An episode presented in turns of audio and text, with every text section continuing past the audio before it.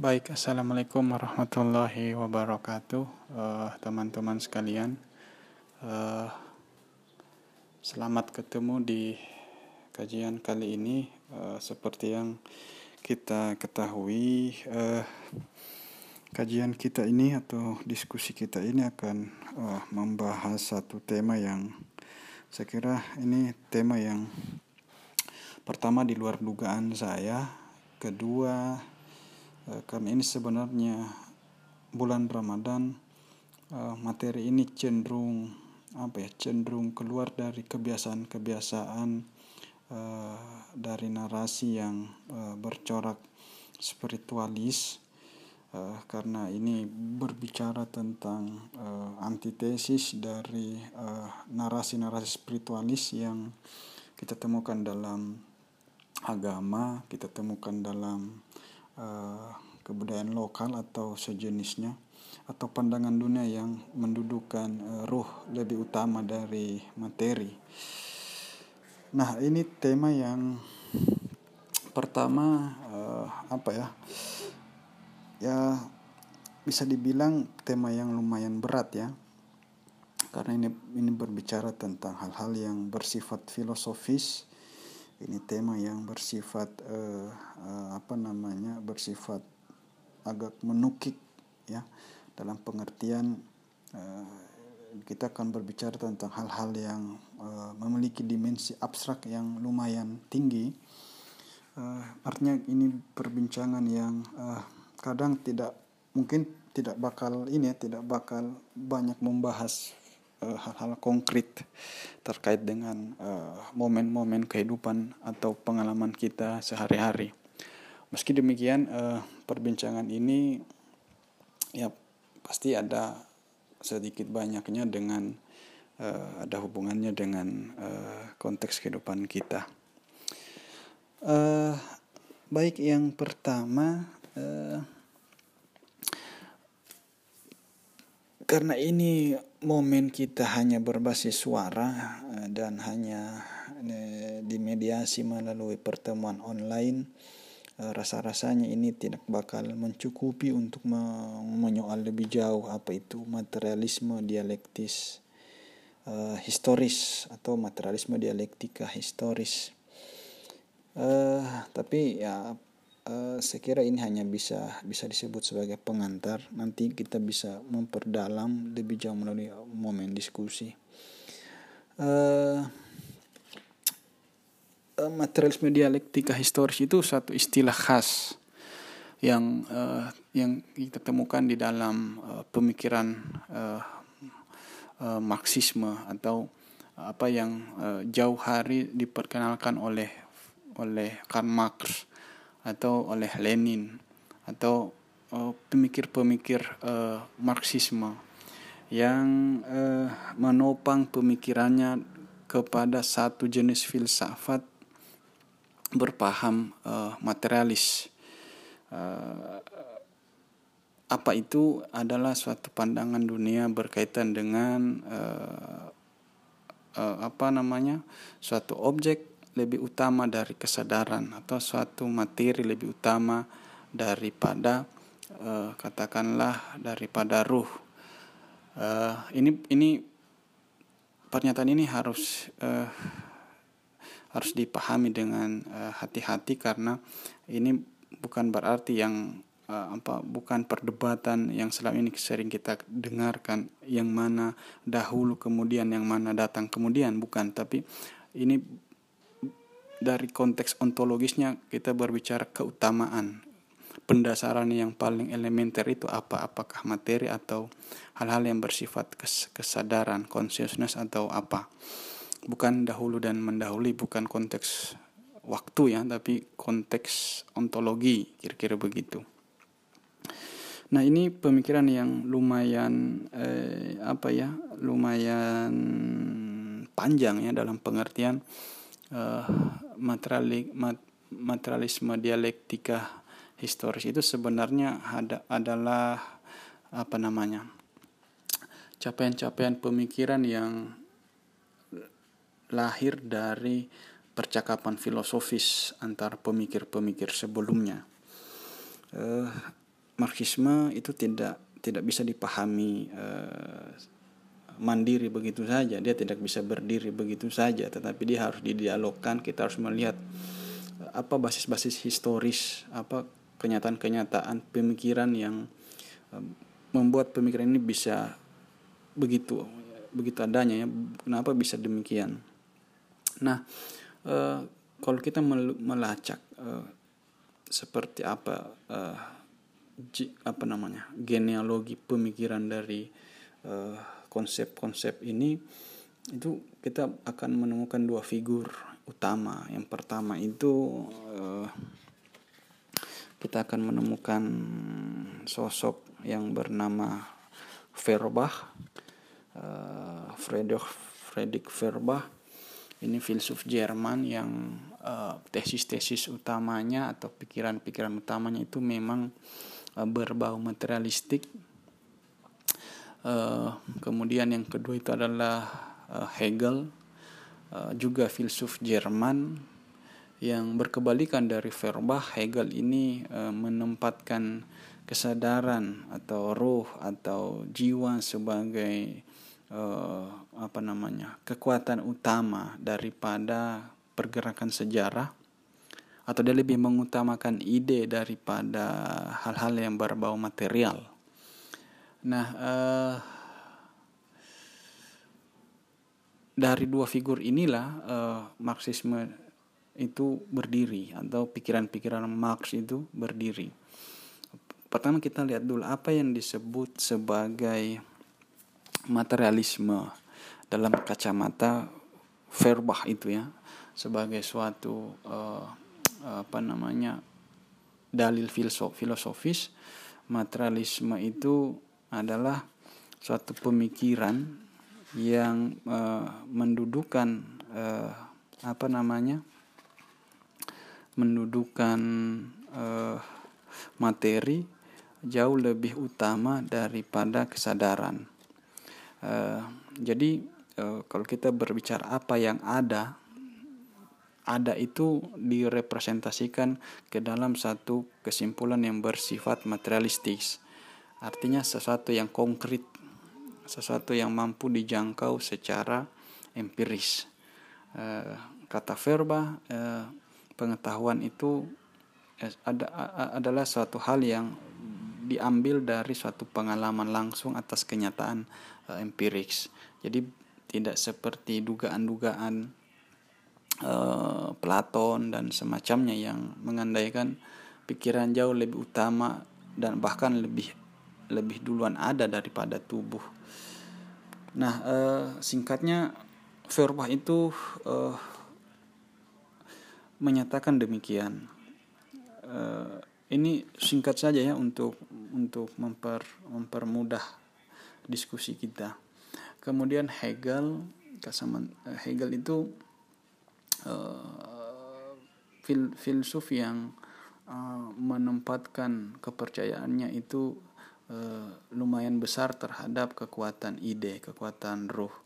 Bagi dia uh, apa yang nampak hari ini yang kita sebut sebagai penampakan katakanlah kursi, katakanlah meja, katakanlah ruang, katakanlah uh, suatu peradaban, suatu negara itu sebenarnya hasil apa namanya hasil kalkulasi-kalkulasi ruhaniah yang bergerak dalam rangka untuk menyempurnakan dirinya. Artinya di balik apa yang kita lihat sehari-hari ini sebenarnya ada suatu uh, kalau meminjam istilah Immanuel Kant ada suatu nomena ada suatu suatu entitas yang bersifat uh, halus dan itu yang signifikan dalam menentukan pergerakan-pergerakan apa yang tampak dalam pengertian ini itu adalah ide. Jadi uh,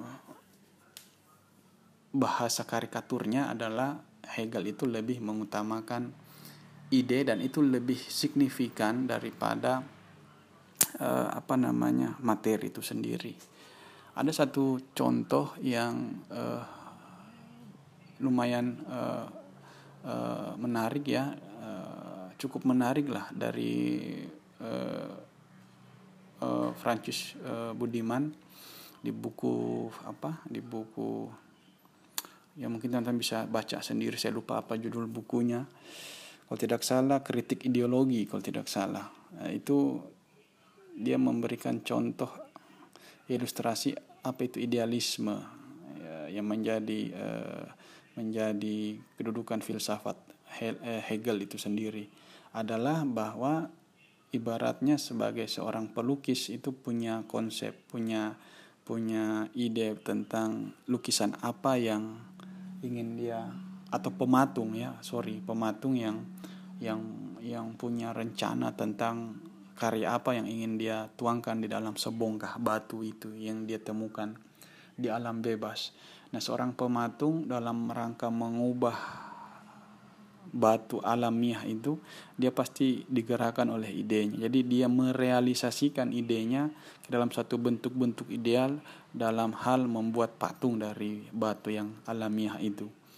Nah, ini kata Budiman itu satu contoh bagaimana ide itu mendeterminasi yang bersifat signifikan tentunya kepada alam kenyataan. Jadi sebenarnya kata Hegel kita ini uh, seluruh uh, perubahan-perubahan yang ada di dunia itu sebenarnya hasil uh, hasil apa ya?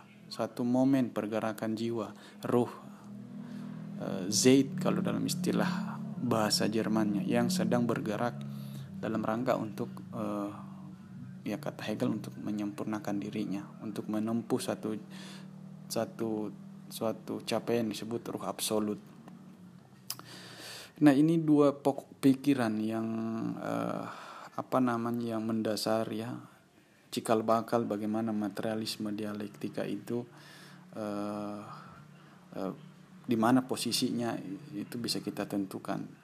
Dari perdebatan ini atau bisa kita tarik jauh ke belakang dari perdebatan antara realisme Aristotelian dan idealisme Platonian uh, itu merupakan akar yang saya kira juga harus teman-teman ketahui ya atau dasar yang lumayan jauh bagaimana cikal bakal materialisme dialektika ini uh, hadir seperti sekarang ini. Uh, untuk rekaman pertama saya kira ini dulu nanti saya lanjut ke pembahasan selanjutnya untuk rekaman kedua. Saya kira untuk sementara cukup.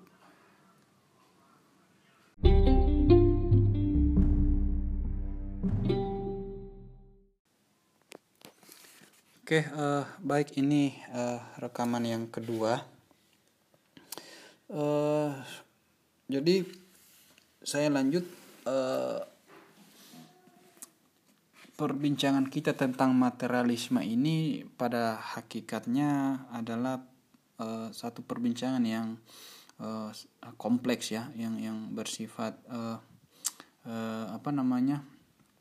Uh, sifatnya menyejarah karena e, sebagai suatu konsep e, materialisme itu sendiri banyak mengalami perkembangan-perkembangan.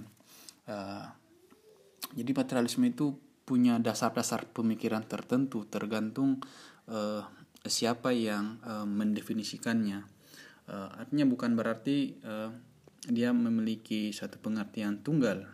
Dia akan menjadi pemikiran yang khas uh, pemikiran yang uh, berciri tertentu uh, sejauh itu diartikulasikan dari masing-masing pemikir-pemikir yang berbeda. Tapi umumnya uh, materialisme itu kalau kita membuka kamus filsafat uh, yang disusun oleh Loren Bagus itu dia menyantumkan apa yang disebut materialisme.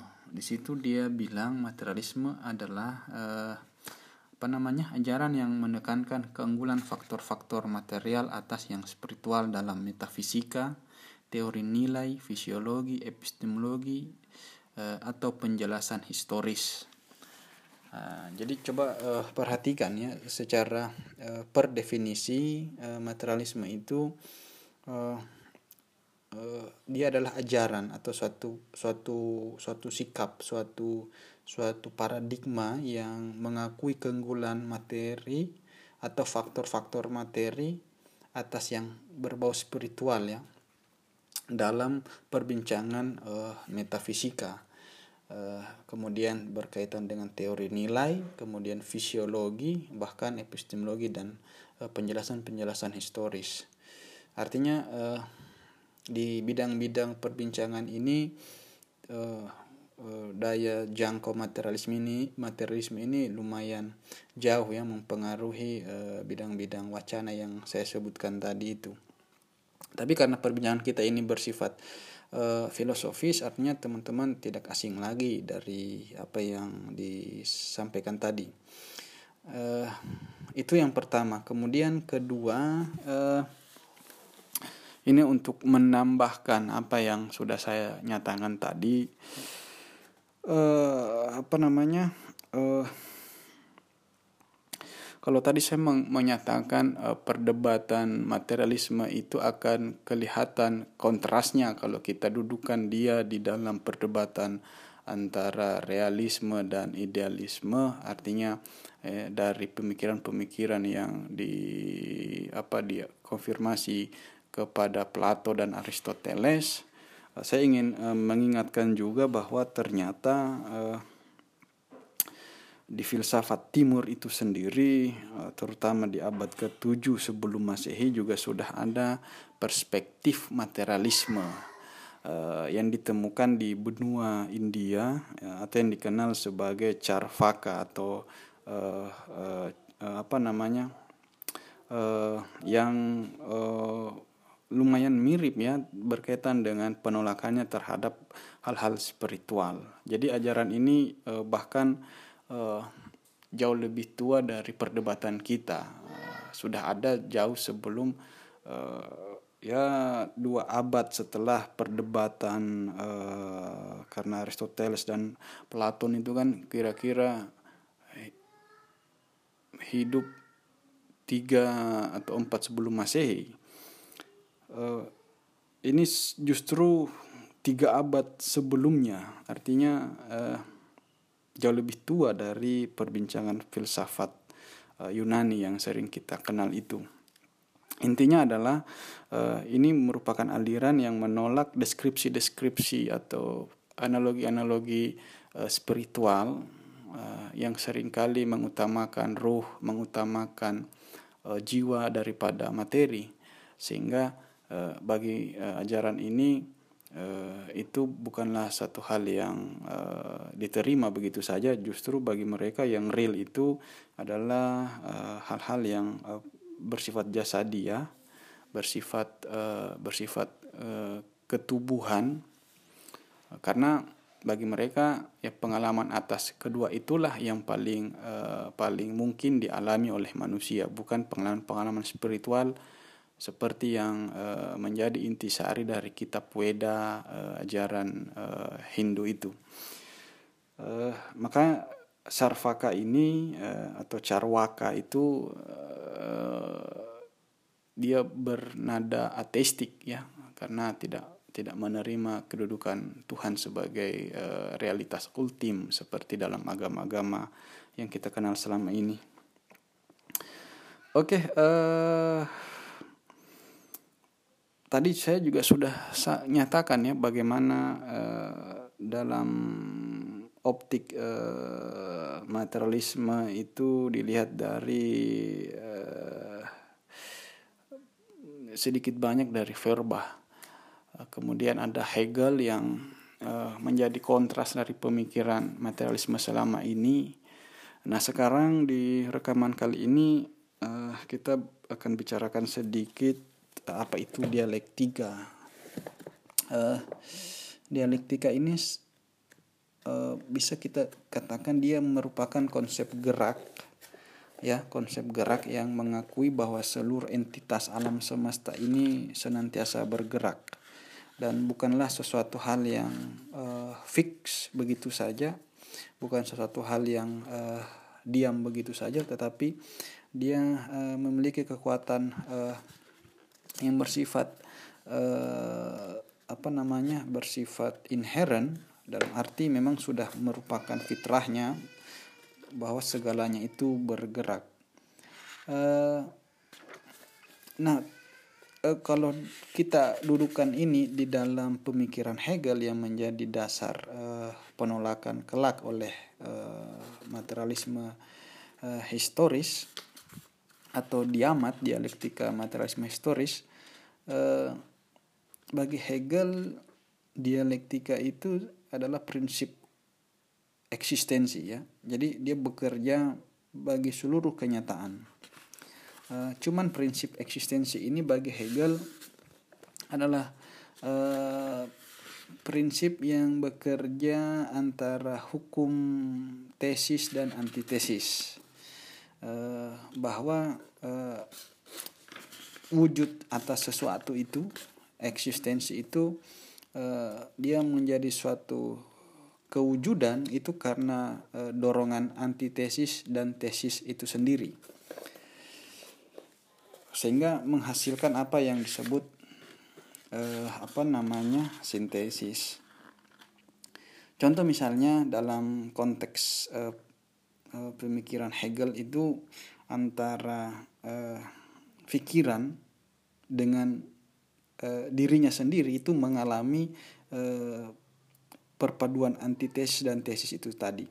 Bahwa pikiran yang awalnya adalah uh, apa namanya suatu wujud yang masih kosong sebagai tesisnya kemudian dia menemukan suatu pengetahuan baru yang merupakan antitesisnya.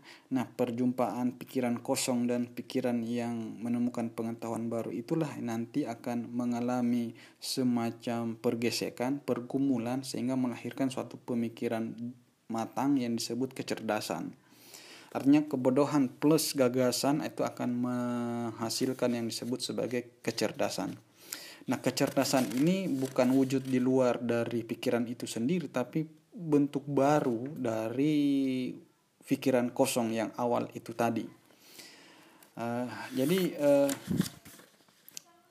prinsip antitesis uh, yang mengantitesiskan dirinya kepada tesis itu sendiri sebenarnya berlaku kepada satu wujud itu sendiri, bukan antara dua entitas, misalnya antara ini yang sering kali salah dipahami antara apa namanya katakanlah antara proletar dan buruh. Eh, itu buruh dan proletar dua kaum yang berbeda dua kelas yang berbeda. Eh, bukan di situ eh, pemahaman awal dari dialektika Hegel. Bagi Hegel dialektika itu berlaku bagi dirinya sendiri. Bagi artinya bagi katakanlah buruh mengalami pergerakan dialektika melawan dirinya sendiri begitu juga kelas prolet uh, kelas burjuis juga mengalami uh, apa namanya dialektika yang dialami oleh dirinya sendiri contohnya kesadaran itu tadi jadi uh, kecerdasan yang teman-teman atau kita miliki itu sebenarnya uh, bukan bentuk lain dari atau wujud di luar kepala kita tapi ide kita yang menyempurnakan diri dari pengalaman-pengalaman baru yang ditemukan. Artinya saat kita masih belum tahu apa-apa tetapi kita menemukan gagasan baru yang juga terjadi di dalam pemahaman kita. Nah, pemahaman kita ini mengalami atau kesadaran kita ini mengalami taraf peningkatan yang lumayan signifikan sehingga menghasilkan suatu bentuk kematangan yang lain. Uh, tanda petik kematangan yang lain artinya suatu kualitas yang jauh lebih tinggi dari kualitas sebelumnya. Nah, di mana keberlakuan itu itu hanya di dalam kesadaran kita saja, tidak di tempat yang lain.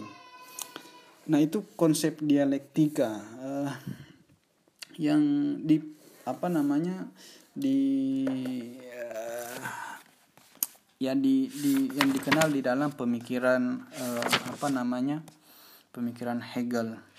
Uh, kebetulan saya di sini sementara memegang ini ya kamus filsafat saya berusaha mencari apa definisi filosofis dari dialektika tapi sampai sekarang saya belum menemukan ya. Nah itu itu dialektika. Nah ini uh, pas sudah. Nah ini dialektik. Kalau dalam bahasa Yunani dialektos. Nah, jadi dia kalau dalam dalam konteks Eh, peradaban Yunani dialektos itu sebenarnya pidato atau pembicaraan, perdebatan. Nah, jadi eh, dia sebenarnya dalam konteks apa namanya konteks retorika ya jadi awalnya itu dialektika adalah sebenarnya menunjuk pada debat yang tujuan utamanya menolak argumen lawan atau membawa lawan kepada kontradiksi-kontradiksi, dilema atau paradoks. Nah, artinya eh, ini sebenarnya di dalam konteks sejarahnya dialektika sebenarnya suatu modus percakapan, suatu modus eh, apa namanya, suatu modus eh, perbincangan ya uh, yang terjadi di dalam satu per, apa dialog antara dua orang. Nah, kalau ini kita harus mengingat Socrates bagaimana dia memperkenalkan uh, suatu cara menemukan kebenaran bukan dari uh, pikiran orang lain tetapi dari dilema-dilema uh, argumen yang kita kita alami sendiri. Jadi Socrates itu uh, filsuf yang berusaha membuat kita bisa berpikir sendiri, mandiri dalam mengambil kesimpulan dengan cara menyadari sendiri kesalahan-kesalahan kita. Nah, itu, itu ada tekniknya itu itu itu saya kira di dalam logika di, diajarkan. Nah dialektika itu demikian ya. Nah tetapi di dalam konsep uh, uh, metafisikanya seperti yang saya nyatakan tadi uh, di dalam konteks uh, pemikiran uh, apa namanya dalam konteks pikiran Hegel itu. Jadi jadi seluruh uh, entitas itu kata Hegel uh, di dalam dirinya mengandung apa yang disebut sebagai pertentangan-pertentangan atau dalam bahasa umumnya dalam uh, percakapan Marxisme disebut kontradiksi-kontradiksi. Uh, saya kasih contoh agar lebih mudah ya, mungkin agak rumit tadi uh, contoh kesadaran itu. Mungkin bagi kita sering mengalami dilema-dilema atau apa itu namanya ya galau ya antara mau ikut kajian atau tidak mau mau ikut nimbrung di satu forum atau tidak kadang kita rajin tetapi di satu sisi ada juga kemalasan nah itu itu contoh bagaimana tesis dan antitesis itu bekerja di dalam uh, kesadaran kita di dalam diri kita antara mau dengan tidak mau. Nah, nanti pada kenyataannya pertarungan mau tidak mau ini akan melahirkan sintesis sebagai suatu jalan keluar dari dilema yang kita alami, apakah kita pergi atau tidak. Nah, tetapi eh, kesimpulannya apakah ikut atau tidak yaitu pasti lahir dari eh, dilema-dilema itu. Kesadaran kita akan memilih apakah mau atau tidak mau atau eh, mungkin ada jalan tengah gitu ya yang disebut mau-mau tapi agak terpaksa begitu atau terpaksa akhirnya mau kira-kira begitu. Nah itu contoh-contoh eh, tesis antitesis ya. Eh, bagaimana dia melahirkan sintesis. Jadi ada dua ada dua apa namanya ada dua seakan-akan ada dua kenyataan tapi kenyataan itu sebenarnya satu wujud yang sama yang dialami di dalam dirinya sendiri uh, ini gimana ya agak-agak agak ribet juga percakapan kita tapi apa boleh buat uh, kita tambah sedikit ya karena kalau saya lihat di sini sudah sampai 15 menit Uh, for you know, jadi untuk kalian tahu dialektika itu kalian harus baca dia juga dari pemikiran Fischer. Jadi Fischer inilah yang pertama kali memper, mem, apa, memper, memperkenalkan konsep tiga serangkai itu tesis, antitesis dan sintesis.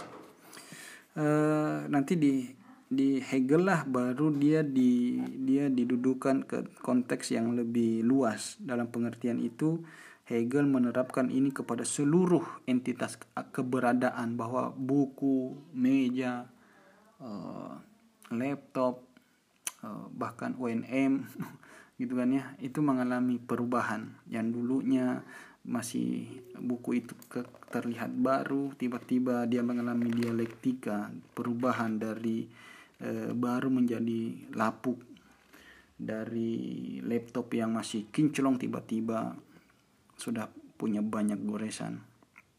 Unem yang dulu murah tiba-tiba jadi mahal gitu-gitu. Itu dialektika jadi pertentangan-pertentangan itu tidak dialami antara buku dengan buku tetapi buku dengan dirinya sendiri. Nah unem dengan dirinya sendiri. Nah, kasus UNEM kan mahal kan ya sekarang? Nah UNEM itu atau kampus-kampus yang sekarang menuju BLU itu itu tidak mengalami penolakan dari luar uh, dirinya tapi dari dalam dirinya yakni mahasiswa itu sendiri jadi mahasiswa dan kampusnya itu sendiri mengalami pertentangan. Mahasiswa sebagai antitesis dari tesis yang diajukan oleh birokrasi kampus. Sintetisnya gimana? Itu tergantung bagaimana tesis dan antitesis ini berkecimpung di dalam satu uh, momen uh, itu ya pergesekan. Yang mungkin ya bisa bisa jauh lebih baik atau tapi bagi Hegel selalu akan menyempurna. Uh, ini dulu ya untuk jadi nanti kita melihat bagaimana Marx mengambil konsep ini dan me, apa namanya e, mendudukannya ke konteks yang lebih empirik dalam pengertian ke konteks yang lebih e, historis dalam pengertian sejarah dan masyarakatnya. Saya kira cukup untuk rekaman kali ini.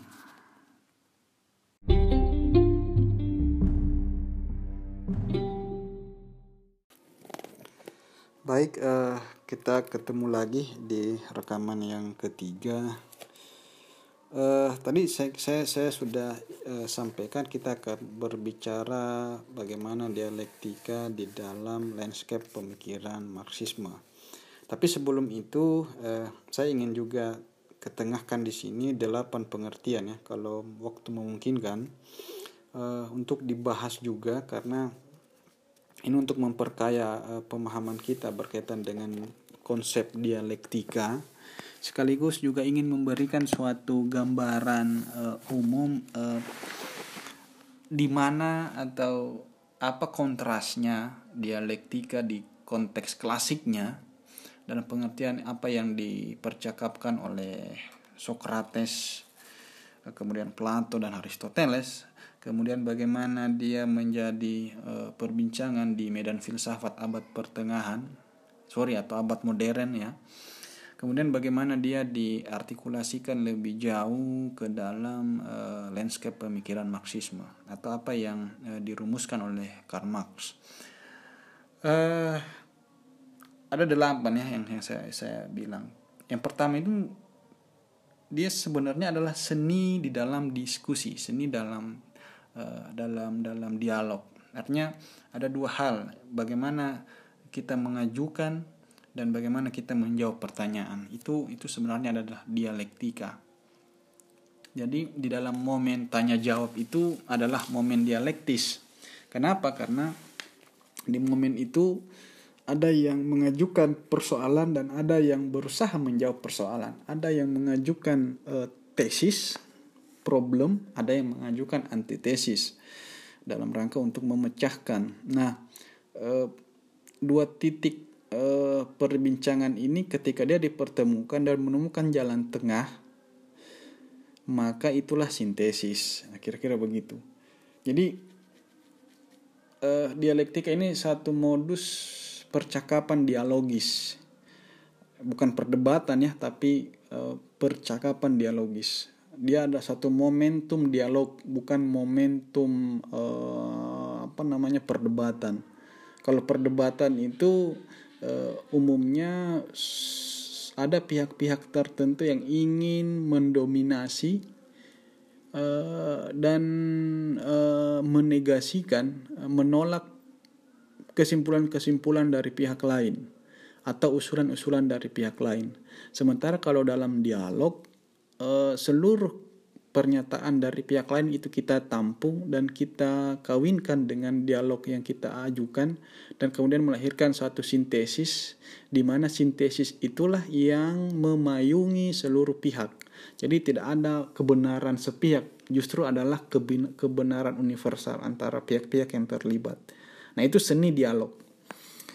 Itu itu yang diajukan Socrates yang yang kita kenal dengan uh, apa namanya? teknik bidannya itu ya. Jadi kata Socrates eh, kebenaran itu seperti anak yang lahir dari perut ibu. Jadi dia tidak lahir dari perut ibu orang lain. Kebenaran itu lahir dari pikiran kita sendiri. Nah, gitu ya, bukan tidak ada anak-anak yang lahir dari perut ibu orang lain. Anda itu lahir dari perut ibu Anda, tidak lahir di perut ibu yang lain. Artinya setiap anak punya rahimnya masing-masing. Setiap pengetahuan punya rahimnya masing-masing, punya caranya sendiri untuk dinyatakan sebagai kebenaran. Nah, jadi setiap kebenaran itu punya jalan rahimnya masing-masing, punya punya nasib masing-masing. Nah, jadi eh, jadi itu yang pertama. Kemudian yang kedua ada yang disebut dialektika sebagai seni memperoleh pengetahuan lebih baik tentang suatu topik dengan pertukaran pandangan-pandangan dan argumen yang rasional.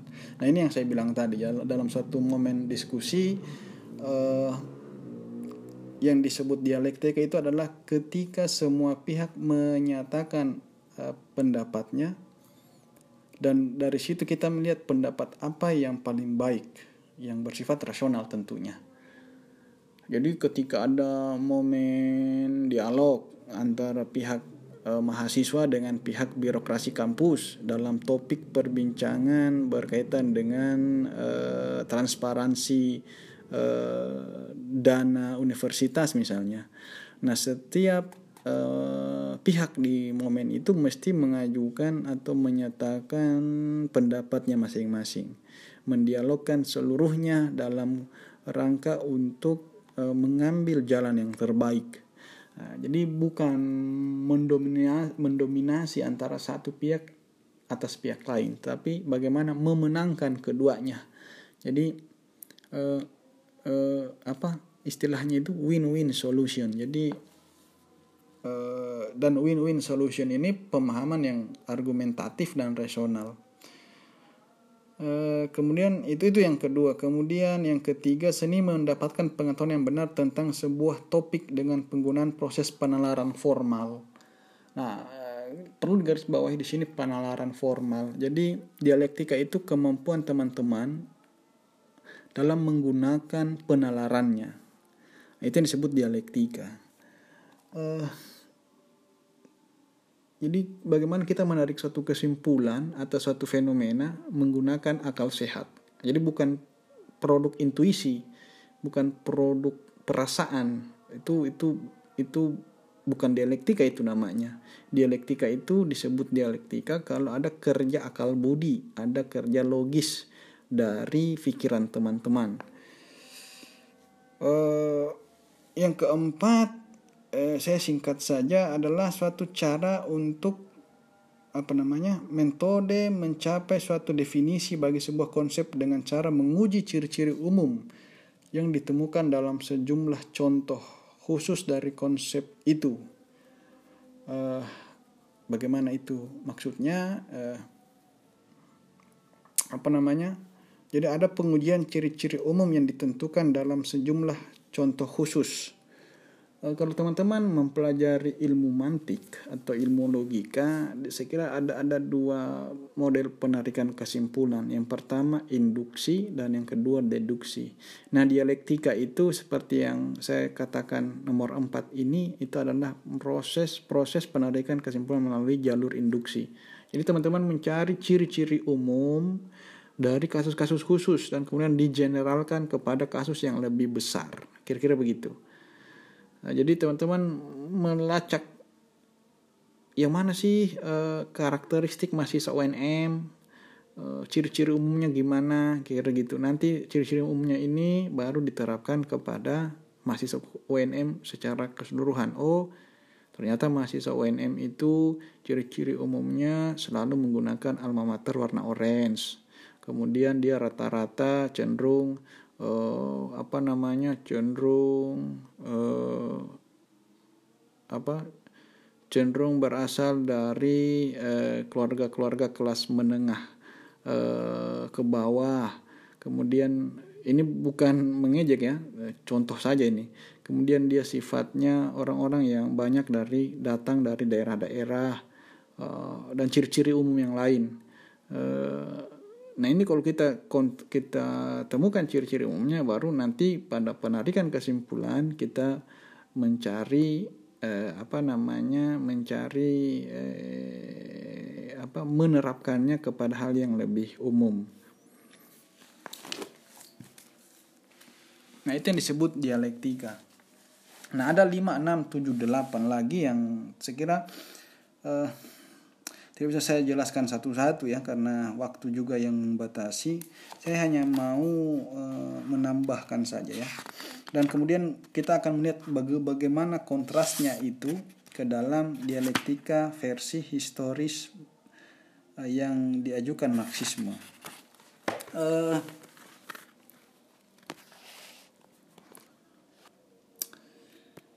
uh, tidak usah berlama-lama ya. Saya saya saya uh, saya apa namanya verbatimkan langsung saja dari kamus ini. Ini ini di depan saya ada kamus uh, filsafat dan beberapa buku ya, ya. Mudah-mudahan ini bisa menjadi pokok atau bahan diskusi kita terutama untuk dialektika ini. Di sini dia dia bilang ada lima uh, apa itu dialektika historis marxisme pandangan dasarnya begini saya, saya nanti kita diskusikan. Uh, dan ini sekaligus uh, akan memperlihatkan betapa kontrasnya dialektika di tangan marxisme itu ya dari konsep-konsep sebelumnya.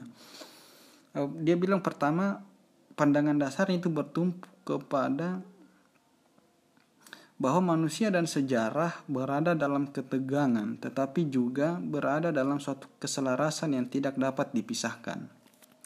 Nah, coba perhatikan, Manusia dan sejarah berada dalam ketegangan, tetapi juga berada dalam suatu kesarasan yang tidak dapat dipisahkan.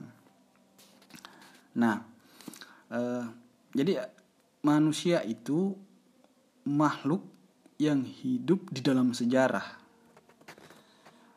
Jadi dia dia karena itu eh, selalu berproses dari waktu ke waktu. Nah, itu yang disebut dia berada dalam ketegangan. Jadi kita ini sebagai makhluk hidup sering kali mengalami dilema-dilema, tegangan-tegangan, pergesekan-pergesekan dengan eh, pengalaman hidup di luar dari diri kita. Misalnya eh, ada tegangan dari faktor ekonomi, betapa mahalnya biaya SPP. Eh, tegangan ini kita alami sebagai mahasiswa dalam sejarah momen itu dalam sejarah kehidupan itu eh, kita dan kehidupan kita mengalami pergesekan-pergesekan yang membuat eh, pikiran kita atau batin kita mengalami goncangan eh, atau kelulusan yang kian hari kian fana, kian utopis. Karena selama ini kita yang menjadi mahasiswa tidak menunjukkan upaya serius untuk selesai. Nah itu ketegangan-ketegangan uh, atau fenomena proletar dengan uh, realitas masyarakat kapitalis kapitalistik itu juga ketegangan-ketegangan.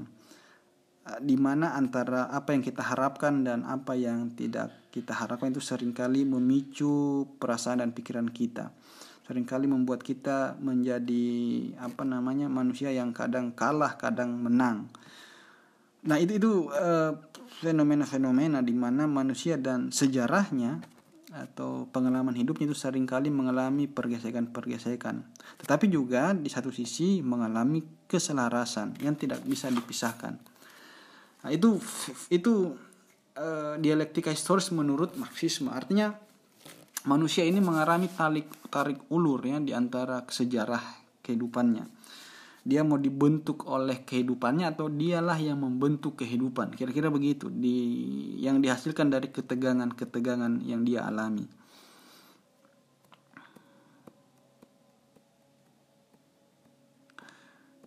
Nah, eh, dia bilang juga begini, sejauh manusia berada dalam ketegangan dengan kekuatan-kekuatan dialektis historis yang bekerja dalam alam semesta, maka kekuatan-kekuatan ini akan terasing, tidak terungkap dan tidak terrealisir.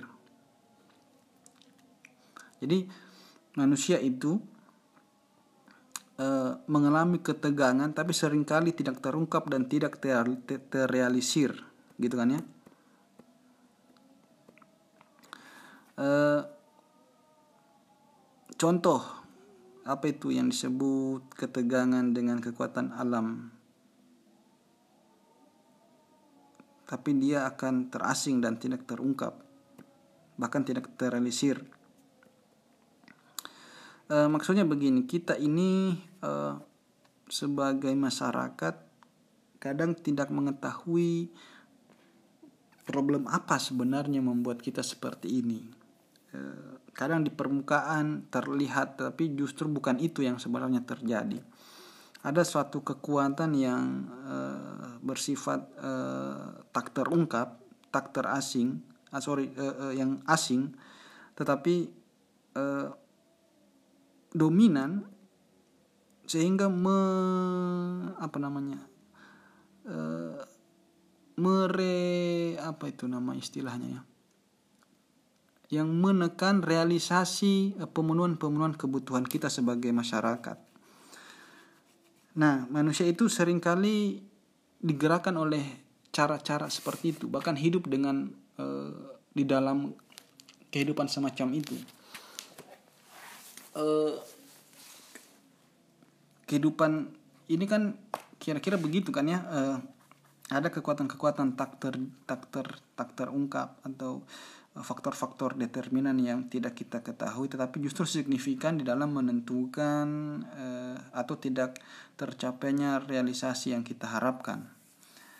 Nah, itu manusia selalu mengalami ketegangan-ketegangan seperti itu. Itu disebut berdialektika di dalam kehidupan atau di dalam sejarahnya. Kemudian yang ketiga, uh, umat manusia adalah suatu produk dari ideologi-ideologi yang menyangkal zamannya. Nah, jadi eh, dengan revolusi manusia dapat meniadakan jurang di antara diri mereka sendiri dengan kekuatan-kekuatan historis yang menyempurnakan, tetapi yang terasingkan ini yang bekerja dalam semesta. Jadi singkatnya begini, kita ini produk ideologi, kita ini produk kebudayaan, produk agama, produk eh, bahasa, produk pemikiran. Eh, hampir semua eh, diri atau bagian hidup kita ini hasil cetakan-cetakan yang saya sebutkan tadi itu. Nah, tetapi kadang di antara cetakan-cetakan itu ada yang sebenarnya tidak fix tidak matching dengan harapan kita, tidak sesuai dengan pikiran kita. Nah, itu kadang mengalami eh, mengalami persoalan tersendiri sehingga kita kita eh, menjadi orang yang bukan diri kita sendiri. Nah, ini yang disebut keterasingan ya. Kita terasing dari kekuatan-kekuatan historis itu. Eh, kata Marx atau Marxisme menganjurkan suatu upaya yang disebut revolusi untuk eh, meniadakan jurang itu keterasingan itu melalui suatu aktivitas yang yang disebut revolusi. Nah, jadi dialektika itu sebenarnya adalah suatu apa ya? Suatu ini ya. Bisa bisa kita sebut suatu upaya untuk keluar dari kekuatan-kekuatan ideologi yang bersifat e, menekan signifikan di dalam menentukan e, kehidupan e, kita saat ini. Sehingga dengan revolusi maka itu bisa menepis jurang ya yang yang terjadi antara diri kita dengan kekuatan-kekuatan historis yang mengasingkan kita itu.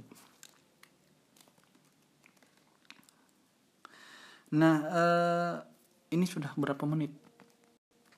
Ya, hampir 20 menit. Masih ada ya, jadi yang keempat saya persingkat saja.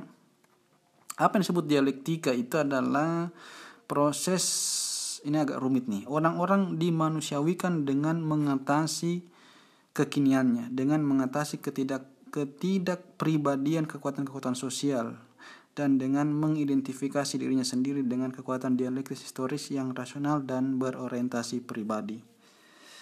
Nah, ini uh, gimana ya cara saya menjelaskan ini? Jadi orang-orang dimanusiawikan dengan mengatasi kekiniannya, dengan mengatasi ketakpribadian kekuatan-kekuatan sosial. Jadi begini, uh, kita ini kan hidup di masa masa tertentu atau masa hari ini pernah menjadi masa lalu yang akan menjadi masa lalu dan akan masa yang akan dat masa yang akan datang. Nah, yang disebut dimanusiawikan dengan mengatasi kekiniannya itu kita ini mesti keluar dari hambatan-hambatan hari ini. Eh, kita mesti mengatasi apa yang tidak kita ketahui dari kehidupan hari ini. Kalau misalnya contoh teman-teman hari ini sebagai mahasiswa menjadi mahasiswa abadi di kampus itu mesti menjadi eh, figur yang mentransendis mentransendenkan diri. Artinya perlu mengambil suatu kesimpulan besar untuk mengatasi hidupnya itu. Apakah mau bertahan di kampus atau atau dikeluarkan dengan terhormat? Mau membusuk di kampus lapuk di kampus tanpa ada arti yang signifikan atau Eh, keluar dengan cara yang uh, uh, apa namanya yang, yang terhormat. Nah, itu satu momen yang mesti mahasiswa abadi alami dengan cara uh, mengatasi kekiniannya itu, mengatasi keterbatasan keterbatasannya itu. Nah ini apa namanya harus teman-teman pahami bahwa dialektika itu adalah suatu upaya yang sifatnya men, apa, mengupayakan terjadinya transendensi diri uh, atau dalam konteks uh, kapitalisme adalah kekuatan yang mentransendensikan kelas proletar menjadi suatu kekuatan untuk mengatasi himpitan-himpitan ekonominya dalam rangka untuk menjadi apa namanya manusia yang lebih manusiawi. Nah, kemudian ujung dari semua gerak dialektika itu dalam konteks historis Marxisme itu adalah kesempurnaan sosial yang apa namanya yang umumnya dikenal sebagai masyarakat tanpa kelas. Uh, jadi uh, pengertian karikaturnya terjadi kesenjangan, kemudian buruh mengalami transendensi dengan cara naiknya taraf kesadaran, kemudian terjadi revolusi, dan akhirnya terbangunlah masyarakat tanpa kelas. Nah, kira-kira itu pengertian karikatural dari pengertian dialektika yang kita jelaskan tadi itu. Nah, eh, agak rumit ya. ya. Ya, saya kira nanti kita bisa ini ya, bisa diskusikan. Saya kira cukup dulu untuk diskusi ini.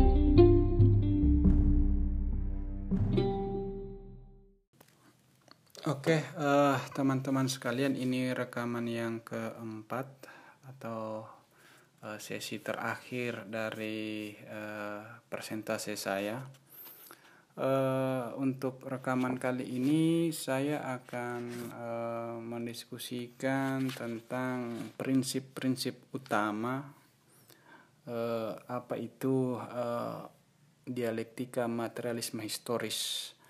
Uh, Tentu ini uh, sifatnya hanya bersifat uh, pengantar seperti eh, rekaman-rekaman yang sebelumnya. Kalau rekaman-rekaman sebelumnya itu kita membahasnya dalam pengertian konseptual secara uh, part demi part, uh, konsep demi konsep. Nah, untuk kali ini kita akan melihatnya sebagai satu uh, apa namanya satu konsep utuh uh, apa itu diamat. Uh, uh, pandangan saya ini uh, saya ambil dari buku yang ditulis uh, Martin Suryajaya uh, seperti yang uh, menjadi latar belakang pamflet kita. Nah, uh, singkat saja untuk memulai rekaman ini, apa itu materialisme eh, dialektika historis yang dinyatakan melalui eh, buku karya Martin Suryajaya itu yang pertama dia harus berdiri di atas prinsip melihat materialisme secara realis. E, maksudnya e, bahwa materialisme itu berakar dari cara pandang realisme apa artinya bahwa uh, kesadaran atas sesuatu itu merupakan kesadaran yang bertumpu kepada fakta-fakta objektif atau fakta-fakta empiris. Uh, jadi uh, untuk uh, prinsip pertama ini materialisme kita lihat dari basis epistemologinya. Jadi uh, yang berhak untuk dinyatakan sebagai satu kebenaran itu sejauh dia mampu di apa didasarkan kepada uh, uh, suatu momen penginderaan atas apa yang konkret, apa yang faktual. Uh, ini seperti yang dikatakan oleh Lenin bahwa premis pertama materialisme dialektis itu adalah realisme. Jadi artinya kita mesti membaca materialisme secara realis. Uh, bahwa itu tadi bahwa kesadaran itu datang uh, setelah hadirnya objek. Jadi uh, apa namanya? Uh, sorry uh, bahwa sebaliknya ya uh, bahwa pikiran kita itu ditentukan oleh kehadiran objek Ya, jadi uh, bukan sebaliknya. Uh, seperti yang dianalogikan oleh kelompok idealis. Nah, uh, jadi uh, dari konteks epistemologinya ini, uh, kalau teman-teman sudah pernah mengikuti kajian epistemologi, uh, uh, cara dia uh, mengajukan uh, uh, kesadaran itu e, seperti apa yang dirumuskan oleh perspektif empirisme bahwa e, penginderaan itu sebagai e, apa namanya satu fakultas utama di dalam aktivitas berpengetahuan.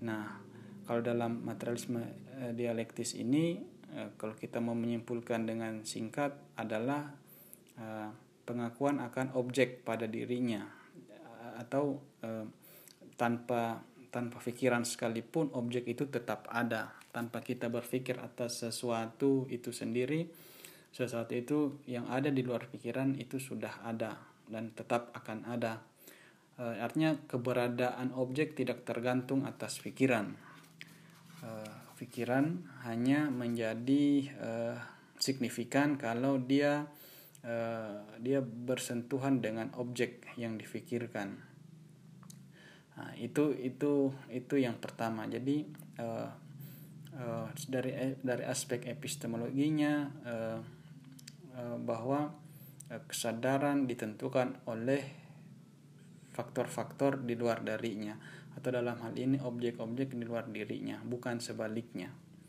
Nah, itu itu yang disebut uh, materialisme mesti dipandang secara realis. Nah, uh, yang kedua eh, kita harus melihat MDH ini atau diamat ini eh, kalau yang pertama melihat materialisme secara realis. Nah yang kedua ini melihat dialektika secara realis. Nah eh, bagaimana dialektika itu dilihat secara realis? Saya kira ini akan akan menarik karena tadi di rekaman sebelumnya sudah banyak pengertian-pengertian dialektika apa uh, uh, baik dalam pengertian klasik bahwa apa itu dialektika yakni suatu modus dialogis antara percakapan dua orang uh, kemudian nanti di uh, apa pemikiran Hegel dialektika itu bekerja di dunia ide di dunia abstrak uh, ruh. Nah, nanti di Marxisme yang yang akan kita bahas ini bahwa eh, dialektika itu bertolak dari argumen yang mengatakan bahwa eh, dia eh, apa namanya momen pengkontrasan dari dua eh, kubu ya eh, yang be, yang yang yang yang yang apa namanya berlaku di alam eh, eh, apa alam empiris di alam materialistik. Jadi tidak berlaku di uh, tidak tidak tidak diartikan dalam pengertian Platonian uh, atau dalam pengertian uh, idealistik seperti yang dipahami Hegel.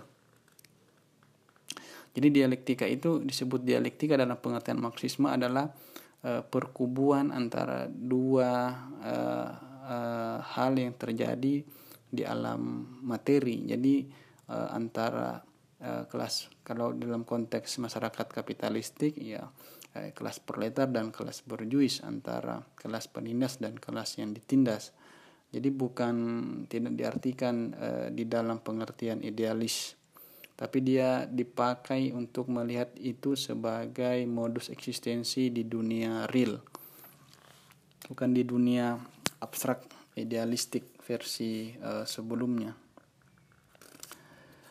Nah itu cara melihat dialektika secara realis. Artinya prinsip-prinsip dialektika itu uh, tidak selamanya uh, dibaca dalam konteks uh, ide-ide, dalam konteks kegagasan, bukan dalam konteks ilmu, tetapi dia uh, berlaku uh, secara internal, uh, di mana itu terjadi di hubungan-hubungan antara manusia, hubungan-hubungan antar kelas, hubungan-hubungan antar uh, objek di alam real seperti ini.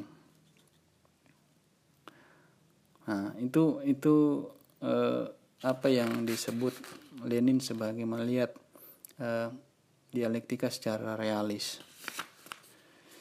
Nah, uh, yang terakhir uh, MDH itu sebenarnya kalau sering uh, kita katakan uh, di uh, kita sering katakan ya bahwa MDH itu filsafat orang-orang tertindas atau filsafatnya perjuang filsafat perjuangannya orang-orang tertindas. Uh, nah di prinsip yang ketiga ini uh,